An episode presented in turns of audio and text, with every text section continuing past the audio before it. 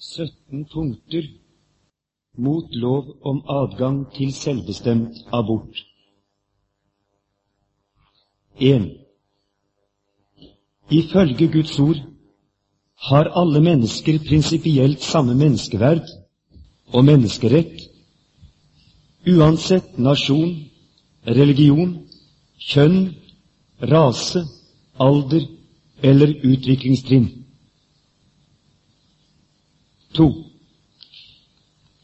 Dette grunnsyn er våre statsmyndigheter ved lov forpliktet til å respektere. For Grunnlovens paragraf 2 sier at den evangelisk-lutherske religion forbliver statens offentlige religion. 3. Denne forpliktelse er også gitt i og med Grunnlovens ånd eller idégrunnlag. Den klassiske naturrett er Kirkens og Grunnlovens felles uskrevne norm for den kodifiserte rett. Fire. Av dette følger at staten ikke rettsgyldig kan gi noen lov eller forordning som er direkte i strid med det menneskeverd som Guds ord og Kirkens bekjennelse forkynner. 5. Loven om adgang til selvbestemt abort betyr oppgivelse av et ethvert rettsvern for det gryende menneskeliv og innebærer en prinsipiell avskrivning av fosterets menneskeverd. 6. Den nye abortloven er derfor direkte i strid med statens eget rettsgrunnlag slik det fremstilles i Grunnloven. Syv.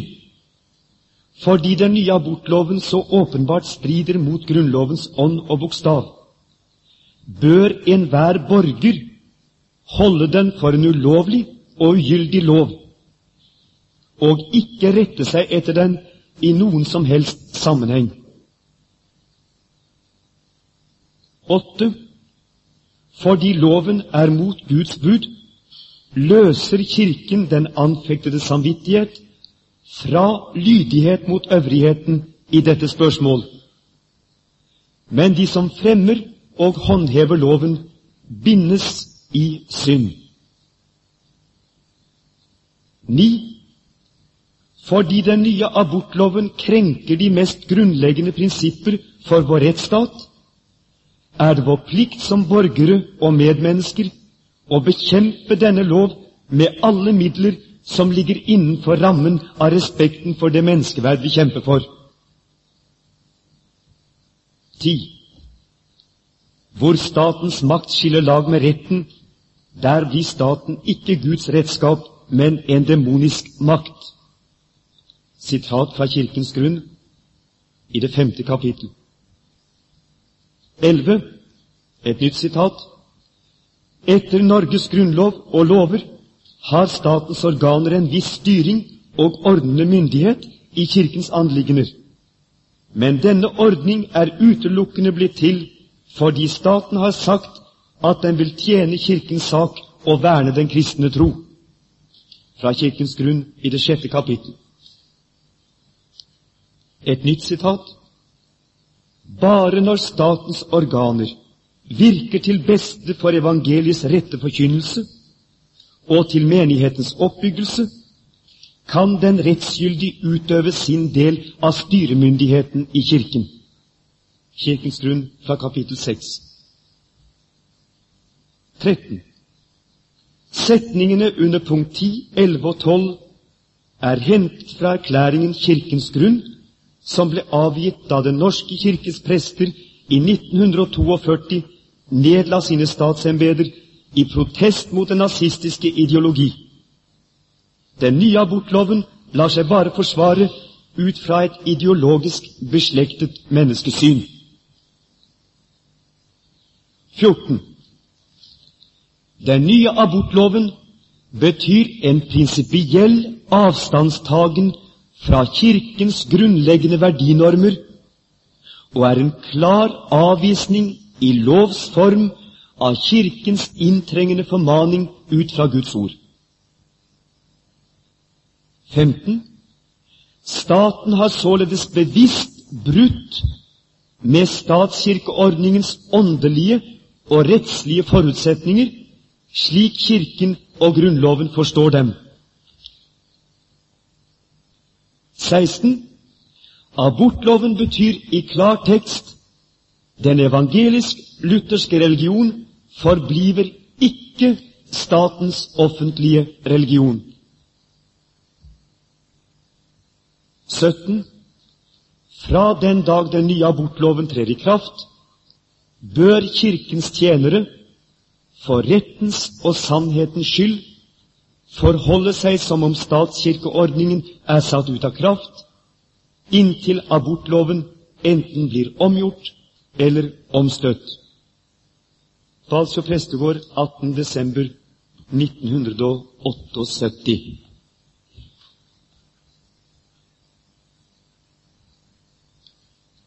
Der har dere det prinsipielle grunnlaget for den handlingen som jeg har begått, og som jeg nå snart igjen skal stå til rette for i Høyesterett, nemlig nedleggelsen av mitt statlige embete i protest mot en lov som krenker Norges grunnlov og Kirkens forutsetninger for å kunne bevare en statskirkeordning. Hvis dere leter etter en klar redegjørelse for hva som er skjedd, så kan dere gå tilbake til disse 17 punktene. Det er senere ikke kommet noe nytt frem. Det som står der, er det som jeg står på i dag. Vi har fått en lov som klart krenker menneskets grunnleggende verd og rett.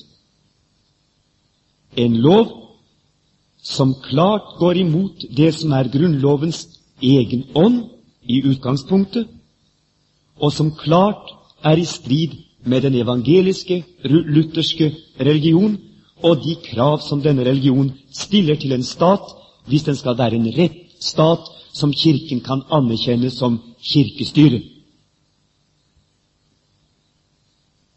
Og hvis dette skal sies troverdig, så kan det ikke bare sies med ord, men da må det få konsekvenser. Det må få de konsekvenser at Kirken erklærer ekteskapet med staten for å være oppløst.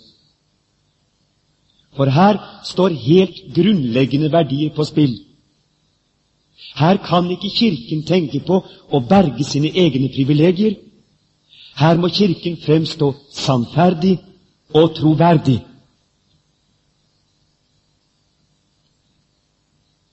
Dere la merke til at i et av punktene så sa jeg at fordi denne loven er rettstridig og krenker menneskets grunnleggende verd, så er det enhver borgers plikt å bekjempe denne lov med alle midler som ligger innenfor det menneskeverd som vi selv står for. Altså, Vi kan ikke begynne å skyte og drepe og pine og plage. Men det vi kan gjøre, er å foreta handlinger som respekterer våre motstanderes menneskeverd, men som samtidig klart understreker at her går grensen. Her går grensen for vår lydighet til staten. Den lydighet som vi er pålagt av Guds ord. Og det middel jeg har grepet til, det ligger innebygget i min egen forståelse av Kirken og staten. Jeg har nedlagt mitt embete. Jeg har frasagt min lønn. Jeg har sagt jeg er ikke lenger statens mann, men jeg er fremdeles Kirkens mann. Men denne stat, som har vedtatt og administrerer en slik lov, kan ikke lenger være kirkestyre i Norge. Den har diskvalifisert seg på det groveste. Den har avsatt den Gud som Kirken er satt til å forkynne.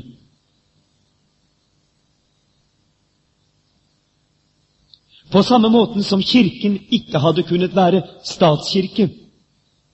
Den norske kirke, slik den er, kunne ikke ha vært statskirke under et apartheidregime. Det hadde vært umulig. På samme måten kan heller ikke denne kirke være statskirke, slik statskirken fremtrår i Norge, med regjeringen som det øverste menighetsråd, med all makt og alle fullmakter i Kirken. Når Kirken slik, når kirkeledelsen slik tråkker Guds bud og menneskets verd under sine føtter.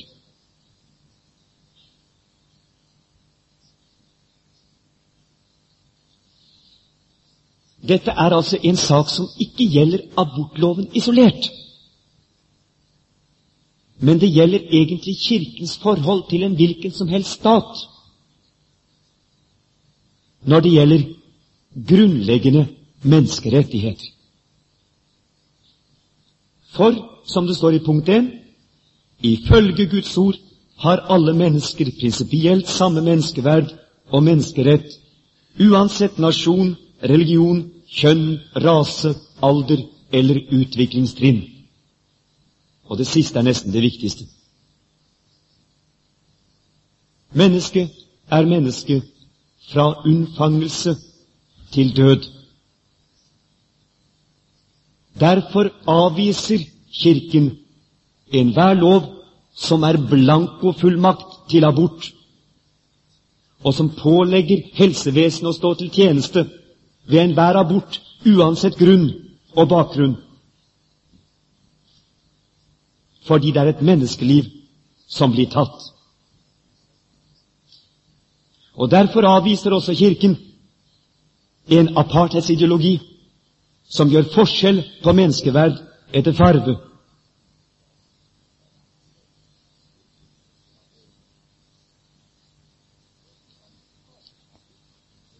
Når jeg sier Kirken, så mener jeg selvfølgelig hele menigheten. Hver eneste kristen. For hver eneste kristen er kalt til å vitne om Gud og gå sitt verd som menneske skapt i Guds bilde. Som jeg forsøkte å si i går, egentlig ligger hele vår kristendom der. Ikke som fariseere skal vi vitne, men som benådede syndere, som har fått vårt verd igjen som en gave. Men hvis jeg også sier Kirken i snevre forstand, så mener jeg i særlig grad de som er satt til å være Kirkens munn, ja, Herrens munn i verden. Det fins nemlig noen som er satt til det, som har fått den spesielle oppgave, det spesielle myndighet og det, den spesielle, det spesielle ansvar. Og som også vil truk, bli trukket til ansvar av Gud Herren selv på dommens dag. For hvis jeg sier til den ugudelige, sier Herren, i Esekel 3 og i 33, at han visselig skal dø for sin ugudelighets skyld. Og du, min vekter, ikke advarer ham. Da skal den ugudelige dø for sin synd, men hans blod vil jeg kreve av din hånd. Det vil si, du er ansvarlig for hans fortapelse.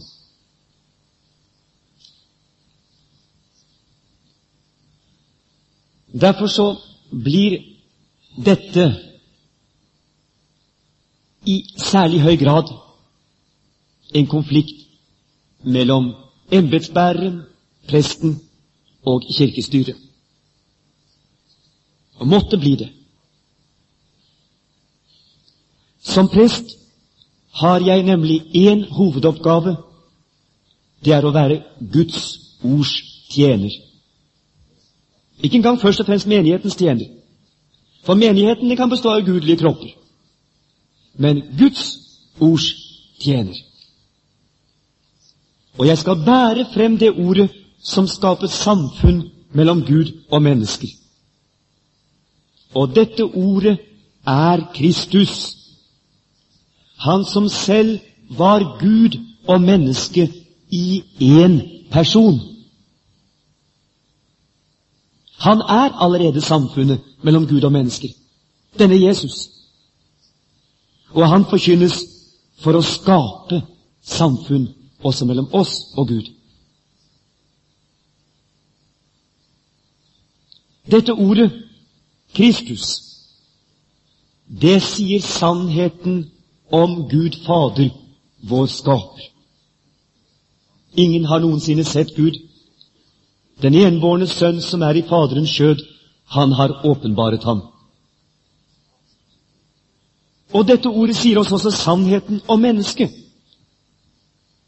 For i Kristus ser vi det sanne mennesket.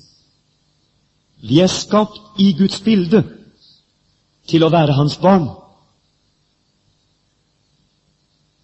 Derfor er altså det å forkynne evangeliet det samme som å forkynne menneskets uendelige verd, slik at det plutselig forstår og kommer til seg selv og sier 'Jeg vil stå opp og gå til min far'.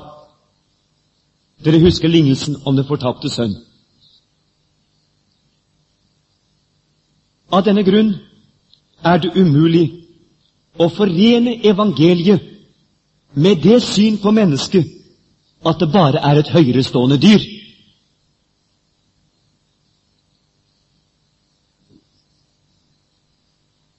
Og dere må være klar over at det er akkurat dette syn som i dag er i ferd med å gjennomsyre vårt samfunn. Mennesket et høyerestående dyr. Men denne holdning og dette syn er umulig å forene med evangeliet. Det er som ild og vann. Enhver holdning, praksis eller lovgivning som utspringer av et slikt syn, og som underbygger et slikt syn, må Kirken lidenskapelig avvise som synd mot Gud selv. Holdning, praksis, lovgivning. Og ikke minst det siste. For evangeliets skyld må en Guds ords tjener kjempe for menneskets rett, uansett hvem det er, og hvilken sosial verdi det måtte ha. For evangeliets skyld. Det er ofte i den diskusjonen som er oppstått, ikke bare mellom meg og staten, mellom meg og andre teologer, at de sier ja, 'Hvorfor skal du komme trekkende med dette, da? La oss forkynne evangeliet.'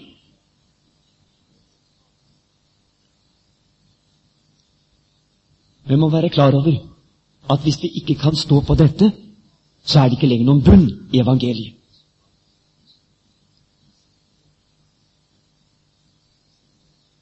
Nei, vi må si et menneske har ingen rett til å være ønsket. Dere kjenner jo argumentet.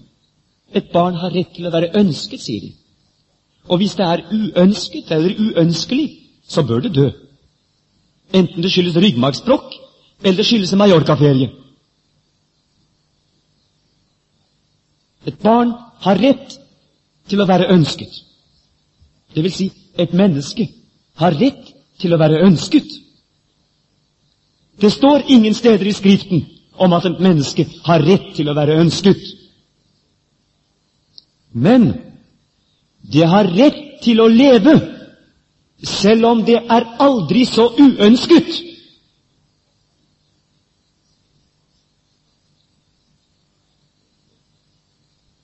Og hvis mennesket ikke finner det, denne rett i statens og samfunnets lovbøker, så kan dette mennesket like fullt si Gi meg rett, Gud, og før min sak mot folk uten barmhjertighet. Det står i Salme 46, vers 1. Og dette gjelder alle mennesker, uansett hvem det er. De har rett til å leve selv om det er uønsket. Ingen har lov til å si et menneske du har ingen rett til å leve, for du er uønsket hos oss. Nei, de må si det er vår plikt å hjelpe deg, fordi du er jo et menneske. Og plikt Ja, i ordet plikt ligger jo nettopp det. At dette er noe som går imot vårt ønske og vårt velbefinnende. Men vi er bare nødt til å gjøre det. For vår selvrespekts skyld. For vårt menneskeverds skyld.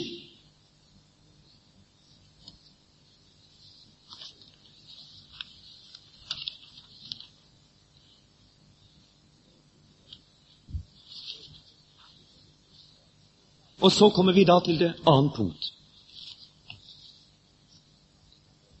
Dette grunnsyn er våre statsmyndigheter ved lov forpliktet til å respektere. For Grunnlovens paragraf 2 sier at den evangelisk-lutherske religion forbliver statens offentlige religion.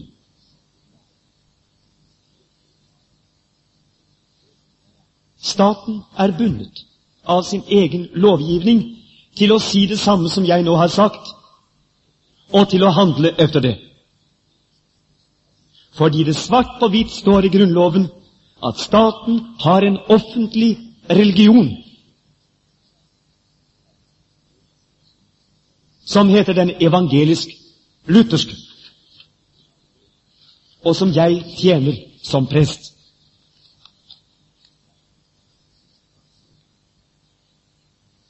Og hva er så den evangelisk-lutherske religion? Den kan defineres slik.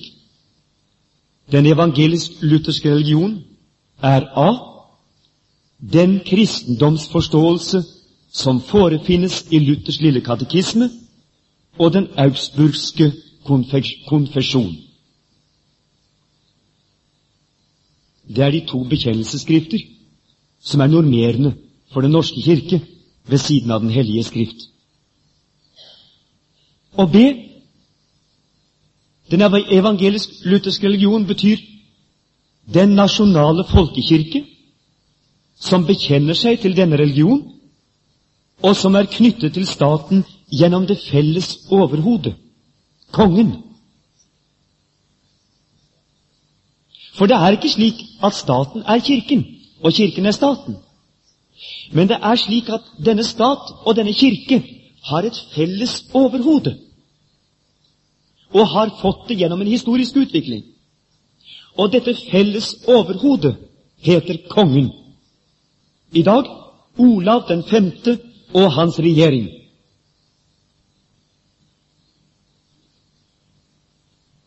På grunn av det dype samvirket og sammenveving av kirke og folk i Norge så har den historiske utviklingen gått dit hen at den som var den fremste legmann i Kirken, også fikk det største ansvar i Kirken. Men han var samtidig den som hadde det største ansvar i staten. Og slik kom kirkeledelse og statsledelse til å bli samlet på én hånd. Ikke fordi kongen var kongen, men fordi kongen var medlem av Kirken og Kirkens fremste medlem.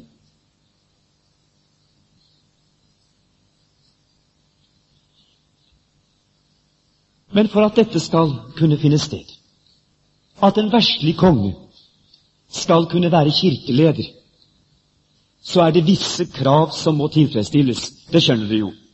Keiser Nero, for eksempel, han hadde aldri kunnet være kirkeleder. Det sier seg selv. Nei, for å kunne fungere som Kirkens overhode ved siden av å være statens, må kongen være døpt i Faderens og Sønnens og Den hellige ånds navn, og han må bekjenne seg til den kristne tro. Hos oss heter det den evangelisk-lutherske religion. Vi kan ikke se kongen inn i hjertet, men vi kan lese hans dåpsattest, og vi kan høre hva han sier. og vi kan bedømme ham etter hans gjerninger. Men for å kunne være Kirkens overhode, så må dåpsattesten være i orden, og kongen må være lojal mot Kirkens tro og lære og liv. Fordi han er Kirkens fremste legmann med det største ansvar for Guds kirke i Norge. Ja, det er statskirkens forutsetning.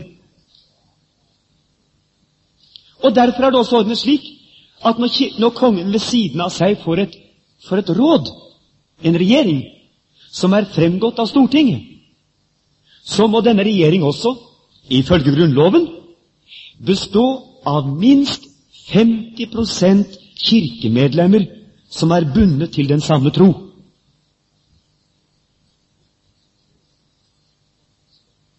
Slik at kongen og kirkemedlemmene i regjeringen alltid kommer i overvekt. Og er det kirkelige saker som skal avgjøres, så må de andre gå ut. Og de har ingenting de skal ha sagt.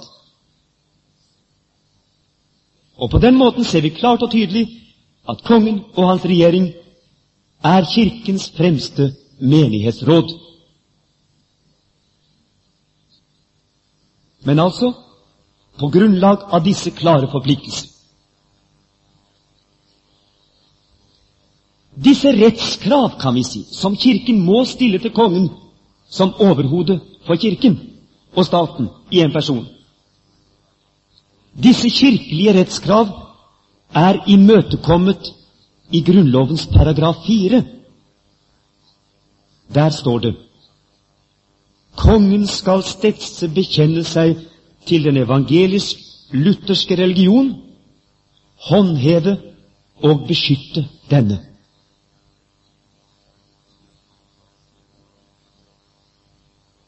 Altså Grunnloven selv binder kongen til det samme som Kirken må binde kongen til. Alltid bekjenne seg til denne religion, håndheve den og beskytte den. Og som en parentes det er klart at den som skal beskytte den evangelisk-lutherske religion, også må beskytte barna i mors liv.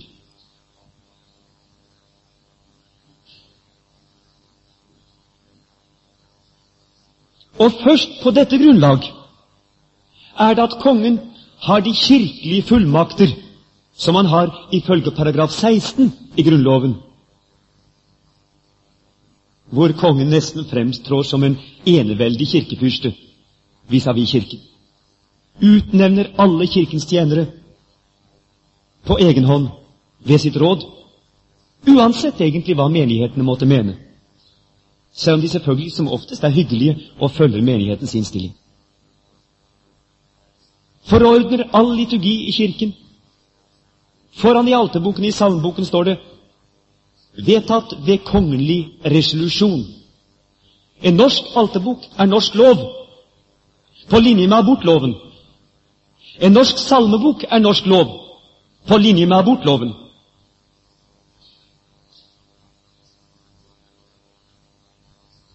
Og da jeg begynte å be for barna i mors liv, så ble jeg anmeldt for brudd på norsk lov fordi jeg fravek den kongelige resolusjon som alteboken er. Og jeg ble truet med at dette kunne føre til en prinsippstrid som kunne føre til avsettelse.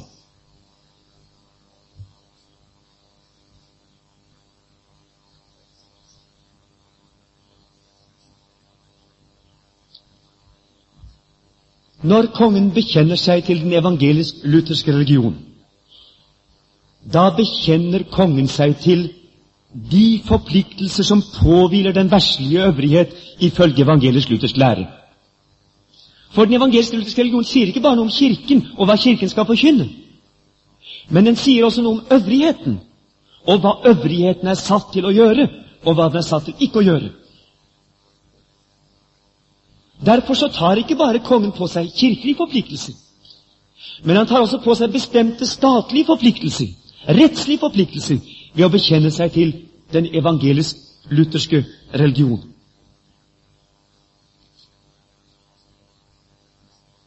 og for at da kongen ikke skal komme i konflikt med staten. For det kunne jo tenkes at Stortinget allikevel vedtok lover som var mot kongens kristelige forpliktelser.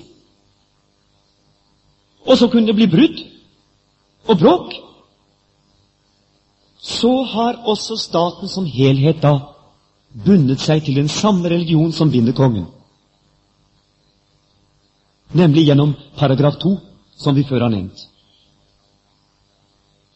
For at ikke det skal kunne oppstå konflikt mellom den konge som er kirkestyret, og den lovgivende forsamling som er Stortinget, i grunnleggende spørsmål, så har også Stortinget bundet seg til å respektere den evangelisk-lutherske religion i sin lovgivning. Ja, for det er jo lovgivningen som er Stortingets gebet. Og det uansett om Stortingets medlemmer er kirkemedlemmer eller ikke. For dette er statens offentlige religion.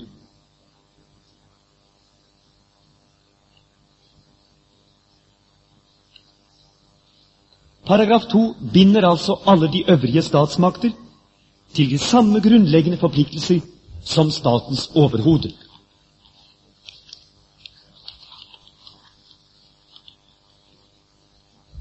Disse grunnleggende forpliktelser som kongen går inn under som statsoverhode, er formulert slik i Augustana, altså bekjennelsesskriftet, i kapittel 28. Øvrigheten skal verge, ikke sjelene, men legemene og de legemlige ting mot åpenbar urett.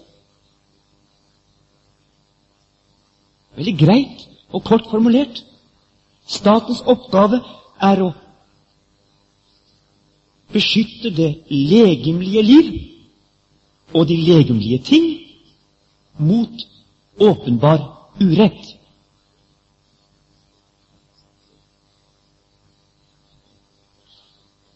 Og så kommer det ved å bekjenne seg til den evangelisk-lutherske religion aksepterer kongen at også barnet i mors liv hører med blant de legemer som statsmakten skal verge.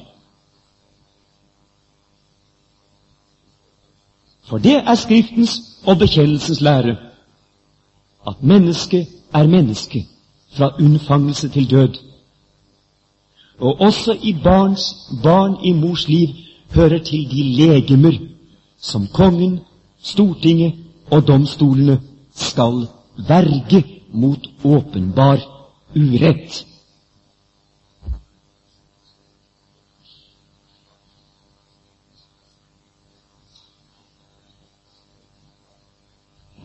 Og Derfor så kan vi konkludere at kongen har ingen hjemmel, verken i den evangelisk-lutherske religion eller i Grunnloven, til å medvirke ved vilkårlige fosterdrap Han kan ikke bruke sitt sverd til å skjære barn ut av mors liv. Hva enten det skjer direkte eller ved å utstede befaling eller fullmakt til det.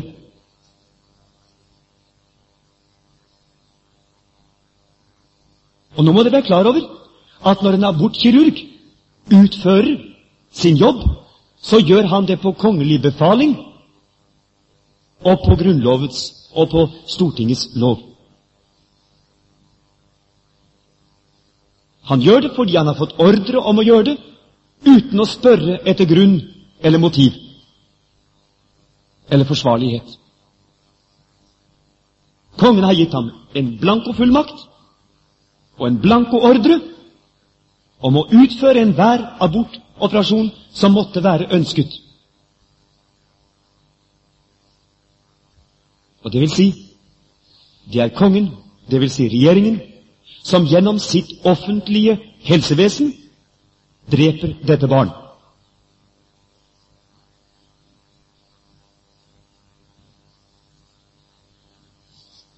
Det skjer med loven i hånd, og det skjer med fullmakt og befaling fra den administrative myndighet, som er kongen i statsråd.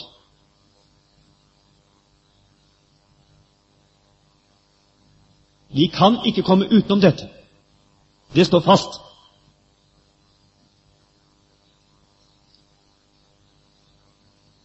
Men kongen har ikke noe hjemmel for å sette en slik lov i kraft.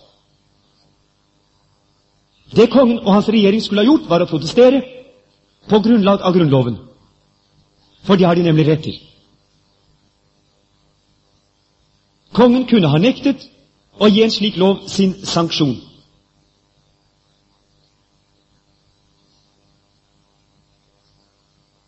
Ved å peke på paragrafene 2 og 4 og 16 og 112, som taler om Grunnlovens ånd. Og så ville vi fått en konstitusjonell krise.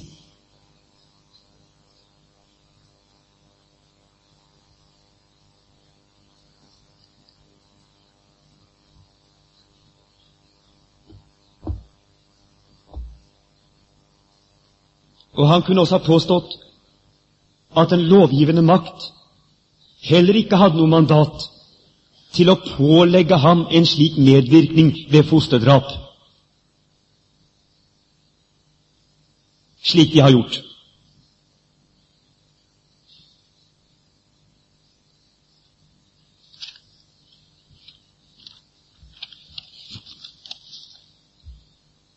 Nei, kongen har som Kirkens overhode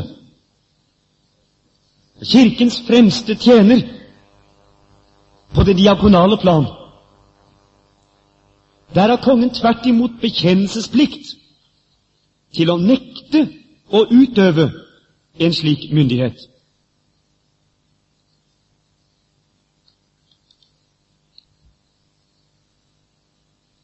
Dersom Stortinget vil tvinge kongen til å utøve en slik lov, må Grunnloven forandres og statskirkeordningen avskaffes.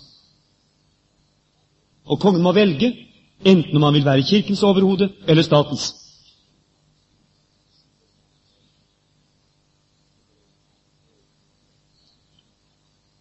Vi kan slå fast, og dette er klar logikk, og det er egentlig klar juss, og det er i hvert fall enda klarere teologi.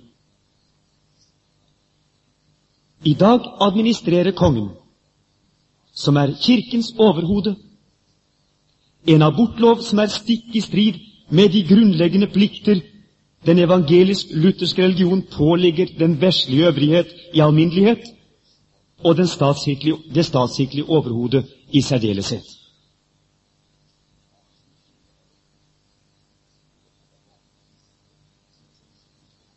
Så kan vi lete etter forklaringene Hva kan grunnen være at dette kunne skje? At kong Olav, en signet konge, som selv ba om å bli velsignet en gang i Nidarosdomen, fordi at staten hadde avskaffet kroningen Hvordan det var mulig at han kunne sette sitt navn, Olav, under denne loven. Eller hvordan det var mulig at ikke bare en arbeiderpartiregjering, men også en høyreregjering, ja, også en høyreregjering med tilskudd fra Kristelig Folkeparti, fremdeles kan stå som ansvarlig for det som skjer hver dag rundt på våre sykehus, at menneskets grunnleggende rett blir krenket med loven i hånd, og mennesket blir definert som et høyerestående dyr.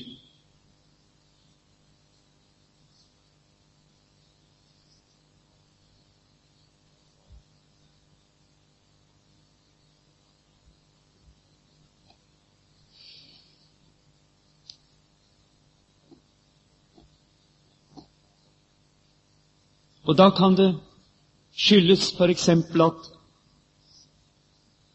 Verken kongen eller Stortinget eller regjeringen forstår Grunnloven.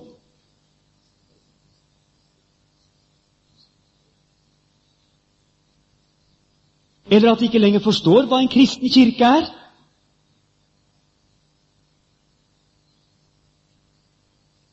At de tror det er et statsapparat på linje med NSB eller Jernverket i Mo i Rana. At de har glemt at det er Jesu Kristi kirke, Han som har all makt i himmel og på jord. At de har glemt hva dåpsbefalingen betyr. At de skal lære å holde alt det Han har befalt oss.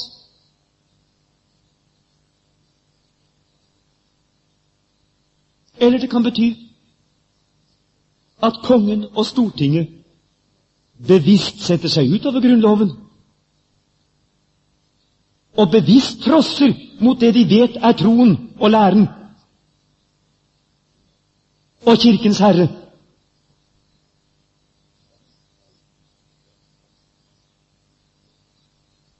Eller det kan bety at kongen og Stortinget omtolker Grunnloven for å komme bort fra sine grunnleggende forpliktelser ifølge statens offentlige religion. Eller enda verre at de omtolker religionen. Og det har blitt sagt i retten i løpet av disse rettssakene. At det er kongen, staten, som til enhver tid definerer den evangelisk-lutherske religion og bestemmer hva som er rett lære. Ja, da har du fått bukken til havresekken.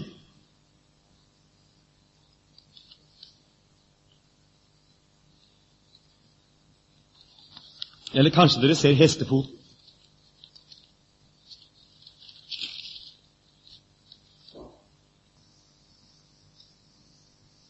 Den kampen vi i dag står oppe i, den er ikke ny.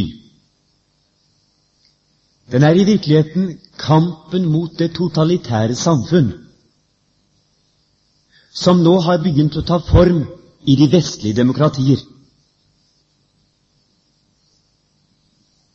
Det som vi før bare kjente som diktaturer i Italia, i Sovjet og i Tyskland, og som vi særlig fikk føle på kroppen her under krigen. Det totalitære samfunn som sier samfunnet er Gud. Og det er lov og rett. Det som samfunnsmakten til enhver tid bestemmer, er lov og rett. Enten samfunnsmakten heter 'der Führer', eller 'Det norske storting'.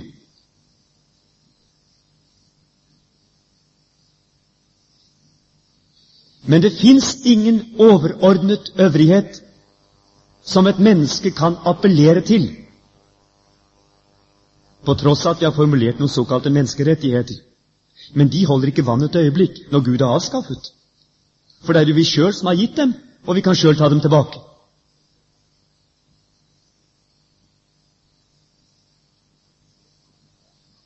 Det totalitære system som sier at det er makten som har retten å definere hva som er sannhet.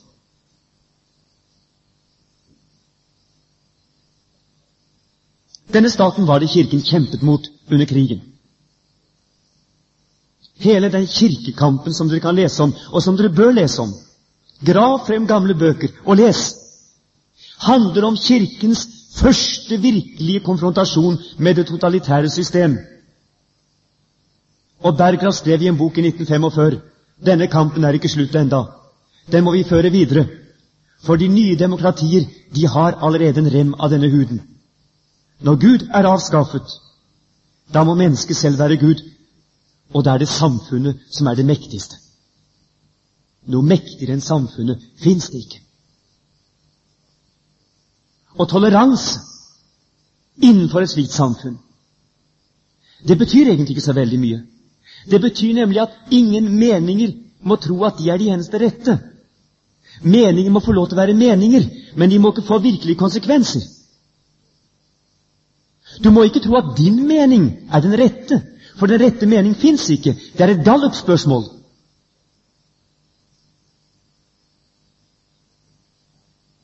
Den såkalte moderne toleranse er bare en måte å holde det gående i sandkassa på. Men staten selv regjerer med makt og med manipulasjon.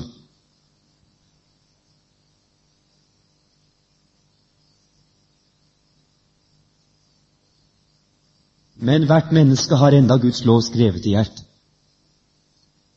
Og det er det som har vært det fantastiske i vår europeiske ånds historie.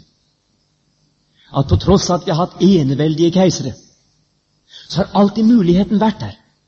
At et hvilket som helst menneske kunne stå opp og si 'Nei, dette er ikke rett, for dette er imot Guds lov'.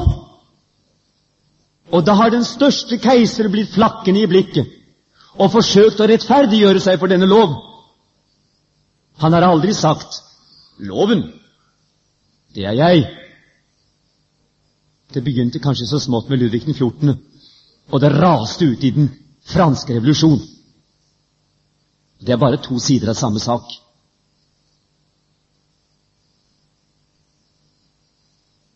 Frihetens kjerne i Europa har vært dette. At det alltid har vært en høyere lov å appellere til. Det er det som har vært revolusjonens gnist, om du vil. Vårt Magna Carta. Loven skrevet i våre hjerter. Vårt menneskeverd gitt av Gud. Ikke gitt av en FN-forsamling som driver politikk.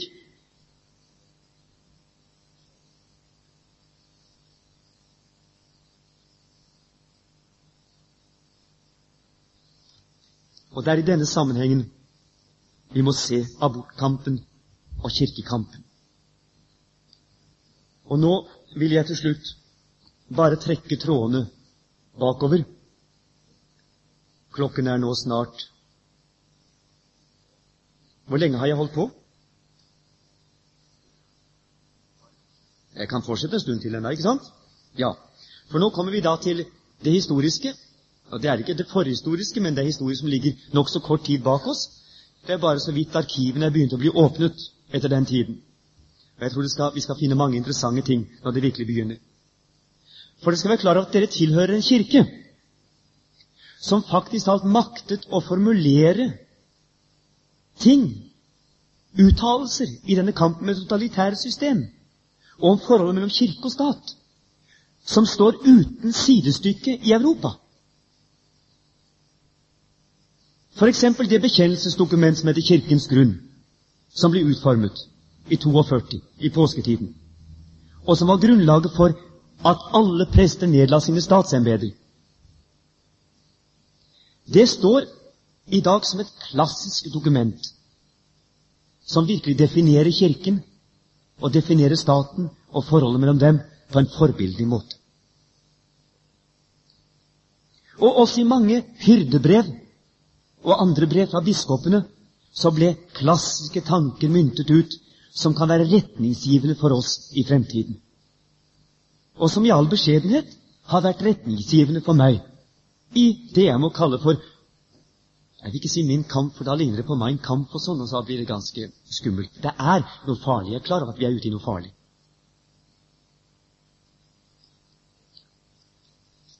For eksempel i et brev som er datert Oslo den 15. januar 1941, og som ble sendt ut etter at hirden begynte å ta seg vilkårlig til rette og banke opp folk, på tross av norsk lov og rett. Dette tok biskopen opp og skrev et langt prinsipielt brev til sjefen for Kirke- og undervisningsdepartementet. Legg merke til ikke til justisministeren, men til Kirke- og undervisningsdepartementet fordi at Kirke- og undervisningsdepartementet også sto medansvarlig for disse rettskrenkelser. Men det var de som var nærmeste instans for Kirken. På samme måte som at jeg i dag, hvis jeg skulle skrevet om abortloven, så ville ikke adressaten ha vært justisministeren, men kirkeministeren.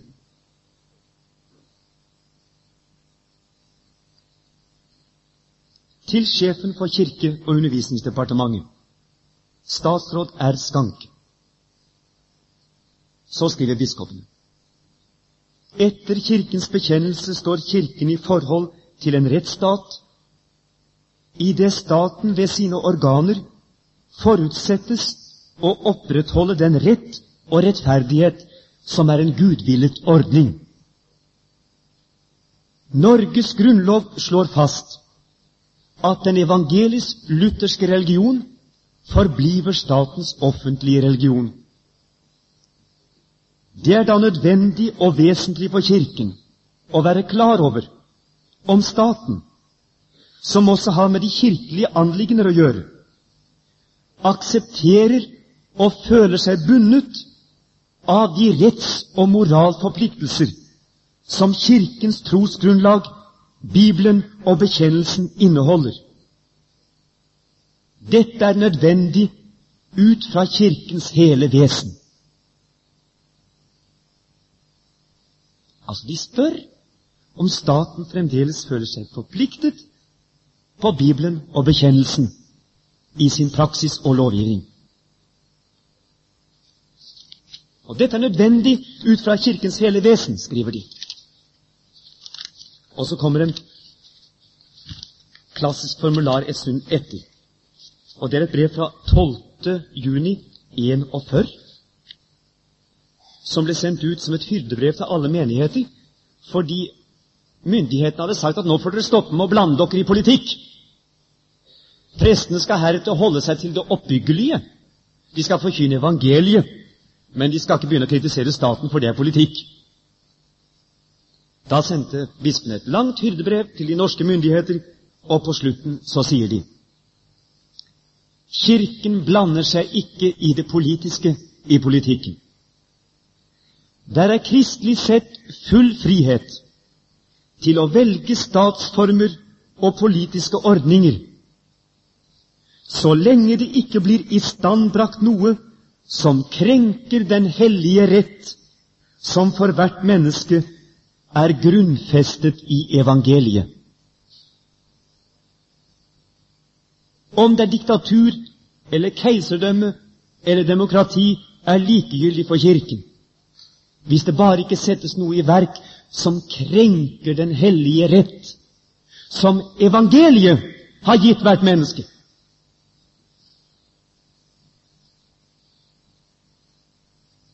Men hvis det skjer, da kommer bruddet.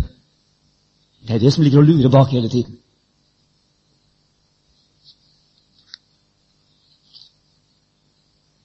Så kommer vi til 1942.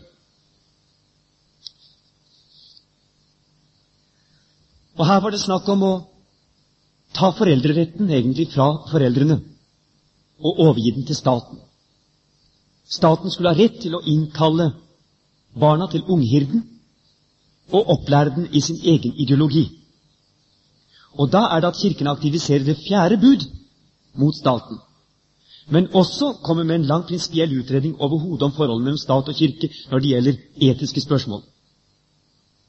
Og her har vi et gyllent dokument fra universitetet i 1942, underskrevet Sigmund Mowinckel, Oluf Kolsrud, Einar Molland, Hans Ording og A. Halvorsen.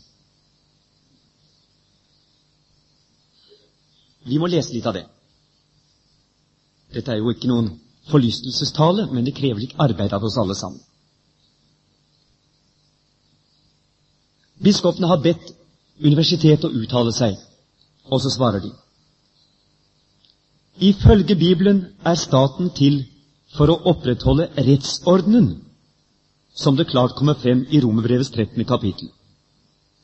Rettsordenen er da sett som uttrykk for Guds bud, og forutsetningen er at den skal være i overensstemmelse med Guds åpenbare vesen og vilje. Når det heter at øvrigheten har sin myndighet fra Gud, så er meningen uten tvil den at øvrigheten er til for å opprettholde og utføre Guds vilje mellom menneskene. For så vidt er det statens oppgave å være en kristelig stat i gåseøynene. Og i et kristent folk blir det alle kristnes oppgave å arbeide for en kristelig stat. Det vil si en stat som så langt råd er, vil virkeliggjøre kristendommens livssyn og samfunnssyn og moral. Guds ord vet vel at staten trenger makt for å hevde rettsordenen. Men det fremgår også helt klart av Det nye testamentet at hvor statens makt isoleres fra rettssynspunktet, blir den ikke Guds redskap, men en demonisk makt.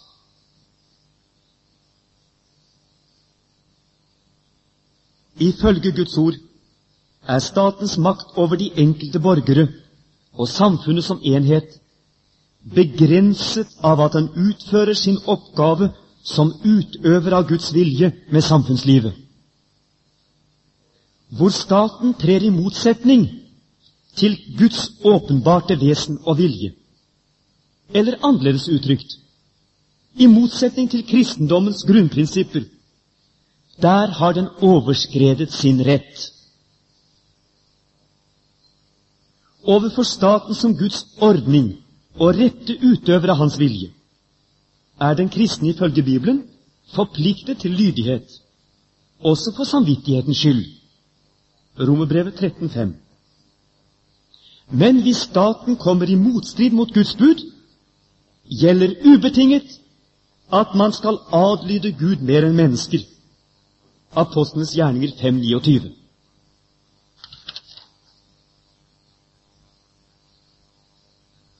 Som en verslig instans tilkommer det ikke staten å avgjøre hva som er Guds vilje, og hva som stemmer eller ikke stemmer med kristendommens bud. Den oppgave å være redskapet for Guds ords virkekraft i samfunnet har Kristus overdratt sin kirke, hvor Hans ånd virker. For å utføre dette verv har Kirken sine organer og embeter, som har sin myndighet fra Kirkens Herre og Kirken selv. Det er derfor Kirkens plikt og rett å våke over at statens ordning og lover er i overensstemmelse med Guds vilje, og å si fra når så ikke er tilfellet. Kirken kan ikke uten videre overlate ansvaret for folkets moralske oppdragelse til staten.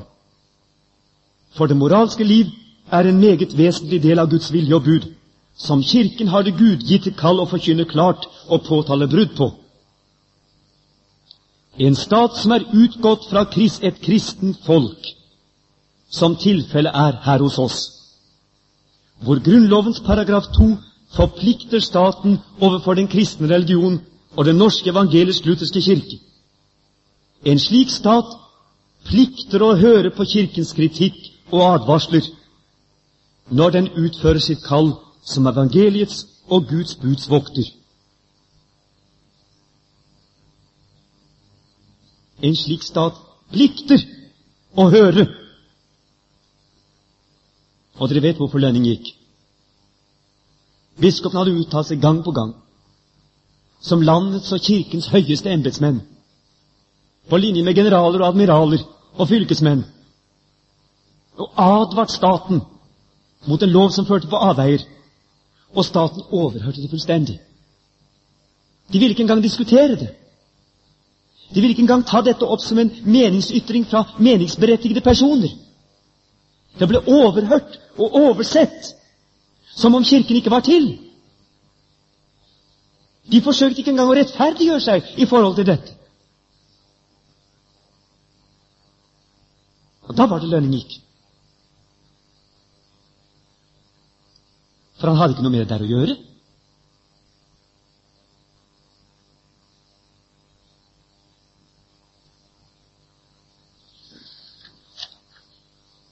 Og vi andre vi kom i en forferdelig situasjon da Lønning gikk. Og vi forsøkte å holde ham fast i, i bispeembetet.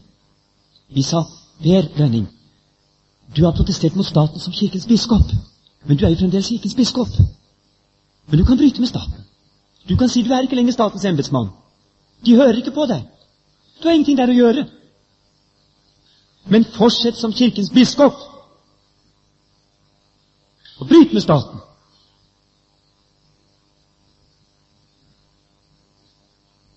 Men det var det han ikke kunne gjøre, fordi han satt på et bispedømme med 100 prester, og meningene sprikte i alle retninger.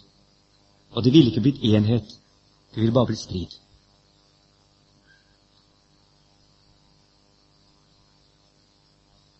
Så tilbake til det siste dokumentet, som kanskje er det viktigste. fordi det gjelder noe som berører oss veldig sterkt, nemlig jødespørsmålet. Da hadde Kirken allerede brutt med staten på annet grunnlag, men på grunnlag av rettskrenkelser. Men så, i 1942, så kommer da ministerpresidentens forordninger om konfiskasjon av jødenes formuer. Det var det første skrittet i retning av tilintetgjørelsen. Men først så blir de sosialt tilintetgjort, og så senere fysisk. Først ble retten tatt fra dem. Det er helt følgeriktig. Og så ble livet tatt fra dem.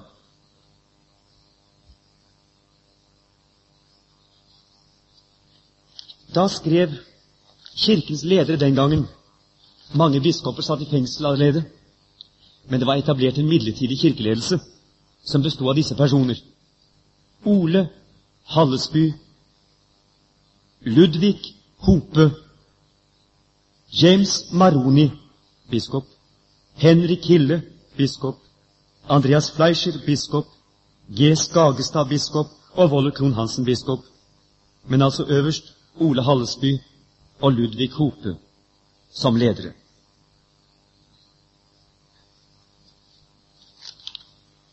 Disse skrev et alvorlig brev til ministerpresidenten, hvor de enda en gang hevdet menneskets rett, og at jødenes menneskerett ble krenket, og at dette var imot den evangelisk-lutherske religion, og dermed mot Grunnloven.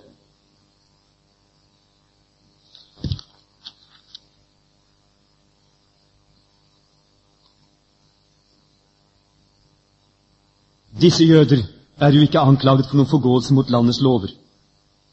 Enda mindre ved rettergang overtydet derom. Og dog straffes de så hårhendt som de færreste forbrytere straffes. De straffes for sin avstamning, ene og alene fordi de er jøder. Denne myndighetenes underkjennelse av jødenes menneskeverd er stikk i strid med Guds ord, som fra perm til perm forkynner at alle folkeslag er av ett blod. Se særlig apostlenes gjerning i 1726. Ja, det er få punkter hvor Guds ord taler tydeligere enn her. Gud gjør ikke forskjell på folk. Romerne 2,11. Her er ikke jøde eller greker. Galaterbrevet 3,28. Det er ingen forskjell. Romerbrevet 3,22. Og fremfor alle ting, da Gud ved inkarnasjonen ble menneske, lot han seg føde i et jødisk hjem av en jødisk mor.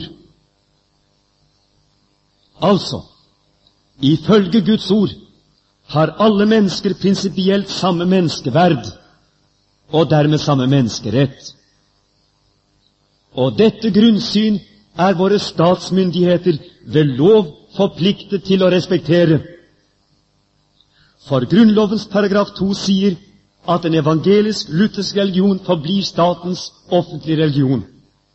Og det vil si at staten ikke kan gi noen lov eller forordning som er i strid med kristen tro og Kirkens bekjennelse. Kjenner du igjen setningen?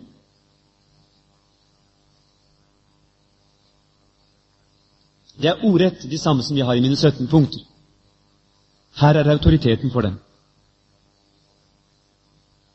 Ole Hallesby og Ludvig Kope og en del biskoper som kanskje ikke betyr så mye for dere.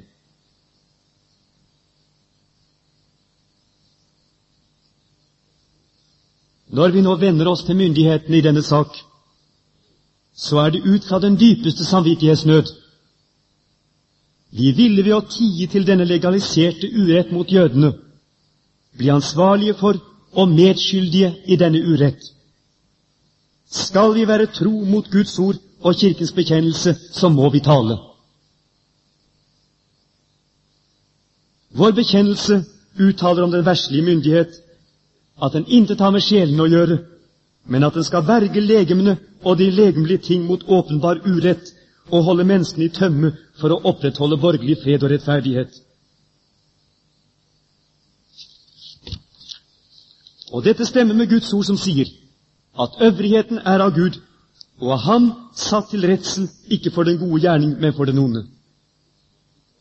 Dersom den verslige myndighet blir til redsel for den gode gjerning, det vil si for den som ikke forgår seg mot landets lover, Da er det Kirkens gudgivende plikt som statens samvittighet å påtale dette. Kirken har nemlig Guds kall og fullmakt til å forkynne Guds lov og Guds evangelium. Derfor kan den ikke tie når Guds bud tredes under føtter. Og nå er det en av kristendommens grunnverdier som er krenket. De Guds bud som er grunnleggende for alt samfunnsliv, nemlig rett og rettferdighet. Og her kan man ikke avvise Kirken med at den blander seg i politikk. Apostlene talte frimodig til sin øvrighet og sa man skal adlyde Gud mer enn mennesker. Og Luther sier Kirken blander seg ikke i verslige ting når den formaner øvrigheten til å være lydig mot den øverste øvrighet, som er Gud. I kraft av dette vårt kall formaner vi derfor den verslige myndighet og sier i Jesu Kristi navn stans jødeforfølgelsen og stopp det rasehat som gjennom pressen spredes i vårt land.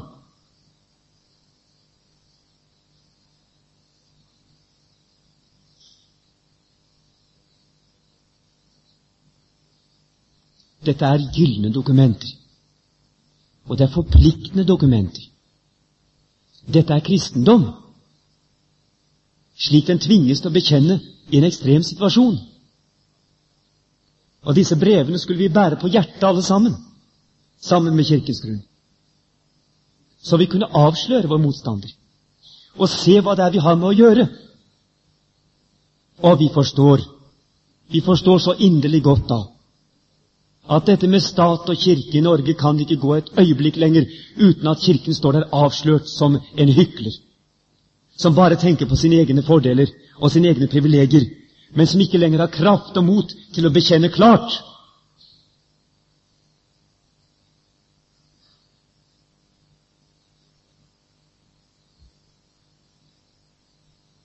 Jeg vil si det til dere alle sammen. Dere må slutte å se på regjeringen som kirkestyre. Det er Antikrist som sitter der som kirkestyr. Og det hjelper ikke hvor kristelige enkelte av dem kunne være. For da er de redskaper, nemlig, for en demonisk makt. Det er skjedd noe grunnleggende, forferdelig, som gjør at en kristen beholder seg ute av denne regjering. I protest og si at 'jeg kan ikke være med på å føre dette kongens sverd', som dreper barna i mors liv, uten skjellig grunn, uten rett.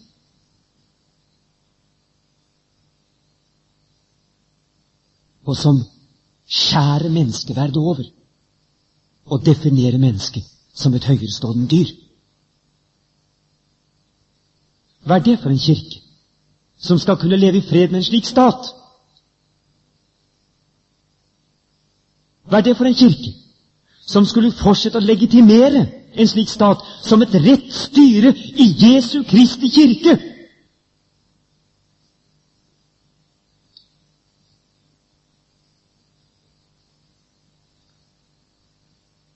Gjør du det, så sviker du. Det er ikke noen vei utenom. Vi står nå i en åndskamp som vi ikke kommer ut av uten at staten bøyer av. Men hvis staten ikke bøyer av, så er de siste tider begynt.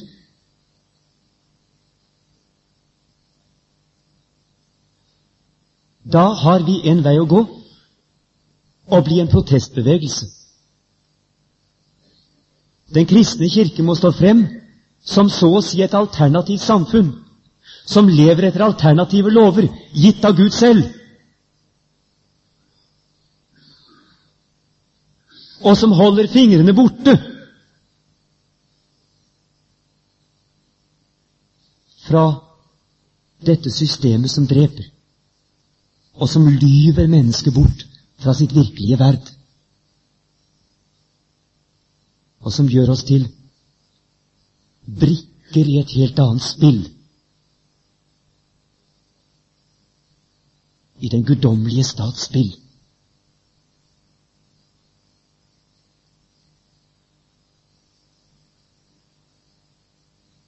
Abortloven er grensen.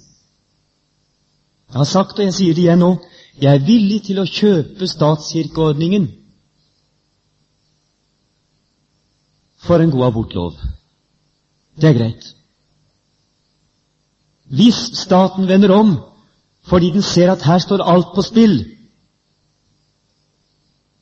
her står i hvert fall det på spill at vi, vi bryter forbindelsen med våre egne kristne røtter, og vi får Kirken som motstander og motspiller i politikken heretter. Hvis de bøyer av, så er dette en moralsk seier for Kirken.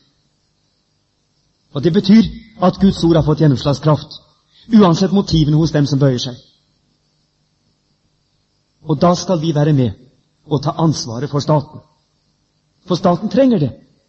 At kristne tar ansvaret for staten. Men vi kan ikke ta ansvaret for staten på hvilke som helst premisser. Du kan godt la deg velge inn i Stortinget og håpe at det du står for, en gang skal få flertall. Men du kan ikke sette deg i en regjering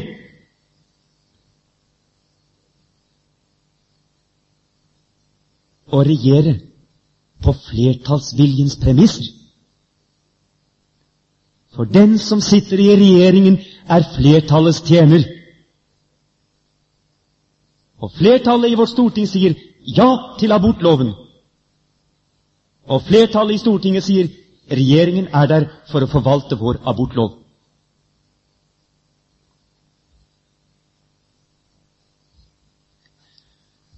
Og Derfor så, så kan ikke jeg si at det er rett, jeg må få si det nå, at Kristelig Folkeparti ut fra politiske overveielser har gått inn i regjeringen. Uten dermed å skulle gjøre meg liksom så stor og dømmende vis-à-vis Kristiansen og Bondevik og sånn. Det er, det er klart at den som står og arbeider med premisser og prinsipper, sånn som dette her, han er alltid utsatt for for en slags maktbrynde Fordi at han liksom står der på Guds vegne så å si og vokser og vokser og blir større og større og blåser seg opp. Og liksom representerer vreden. Men det er ikke det, er ikke det som ligger bak når jeg sier dette. Jeg har forsøkt å, å få et rett forhold til det der. Men jeg mener at de har gjort en forferdelig gal overveielse. De har latt seg synkverve en eller annen måte. Jeg tenkte vi kan jo gjøre mye godt her også, ikke sant? Jeg mener, Selv om vi ikke klarer å få gjennomslag for abortloven vår, og den får vi nå bare rulle sin gang, så, så, kan vi jo få gjennomslag for mye annet godt. ikke sant? Vi kan drive kristelig oljepolitikk og sånn. og Vi kan jo få litt mer kristendom inn i, inn i skolen. Og vi kan jo lappe på det som lappes kan. Nå var jeg litt ironisk, men det var også ikke meningen, egentlig.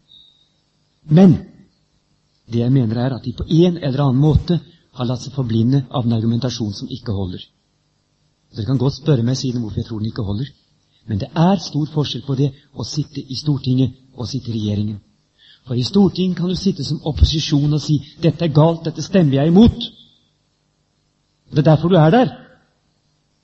Men i regjeringen, der regjerer du på Stortingets nåde og etter Stortingets lover.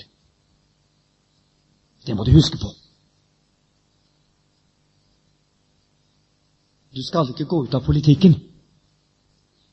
Men du kan ikke ha ansvaret for kongens sverd når det brukes mot ufødte barn.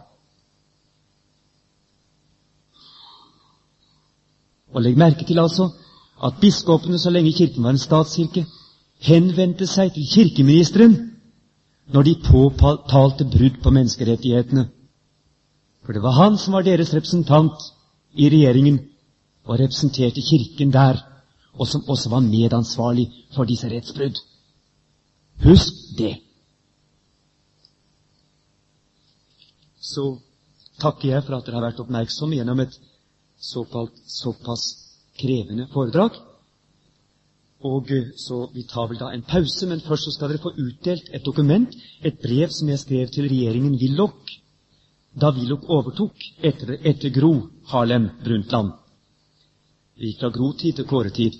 Da måtte jeg skrive et brev for å understreke at min holdning den gjaldt like fullt overfor en Høyre-regjering som en arbeiderpartiregjering. Og jeg var egentlig glad den dagen jeg kunne skrive det brevet, for dermed var jeg løst fra den anklagen som gikk ut på at dette egentlig var antisosialistisk politikk.